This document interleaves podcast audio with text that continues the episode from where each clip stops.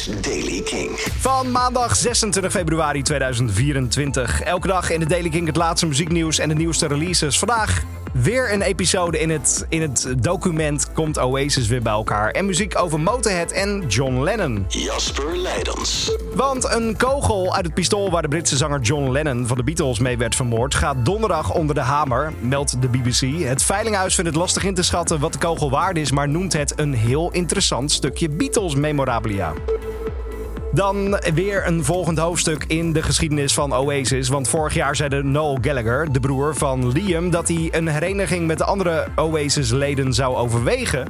als zijn broer Liam hem zou bellen. Liam noemde hem daarop een lafaard, omdat hij niet echt door zou zetten met het idee, enkel om mensen een soort van bedoelde nephoop te geven.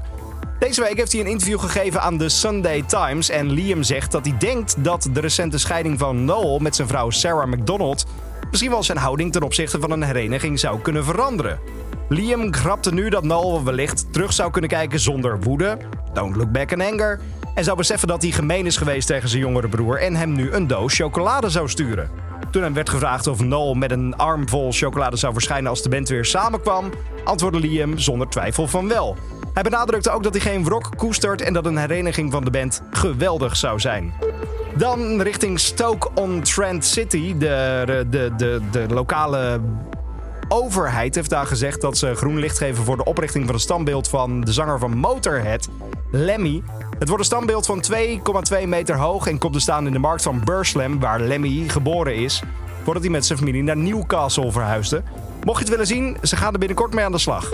Tot zover deze editie van de Daily Kink. Elke dag op de hoogte van het laatste muzieknieuws. Luister dan vanaf 7 naar Kink in Touch. Dan hoor je ook de hele avond nieuwe muziek.